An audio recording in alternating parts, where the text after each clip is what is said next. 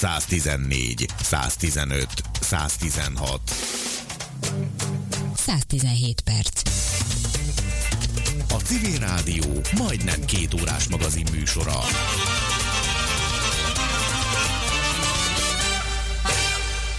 Szomorúan nézte a bajóságát, a sáskajárásos nyár kiégett maradványait, és hirtelen ugyanazon az akácgajon látta átvonulni a tavaszt, a nyarat, az őszt és a telet, mintha csak megérezte volna, hogy az örökké valóság mozdulatlan gömbjében bohóckodik az idő egésze. Az űrzavar hupáinát ördögi egyenes csalva és megteremtve a magasságot, a téboly szükségszerűségét hamusítja, és látta önmagát a bölcső és koporsó fa keresztjén, amint kínlódva rándul egyet, hogy végül rangjelzések és kitüntetések nélkül lecsupaszítva a halott mosók kezére adja egy szárazon pattogó ítélet.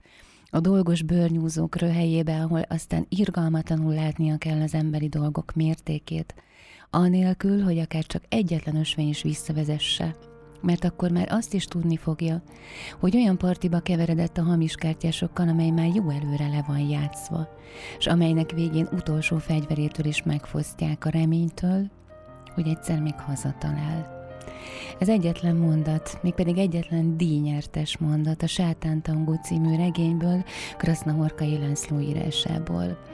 Hát a magvető kiadó a Facebook oldalán számolt belőle a napokban, hogy Krasznahorkai László kapta az év legfontosabb mondatának járó díjat a görög literatúra irodalmi újságtól.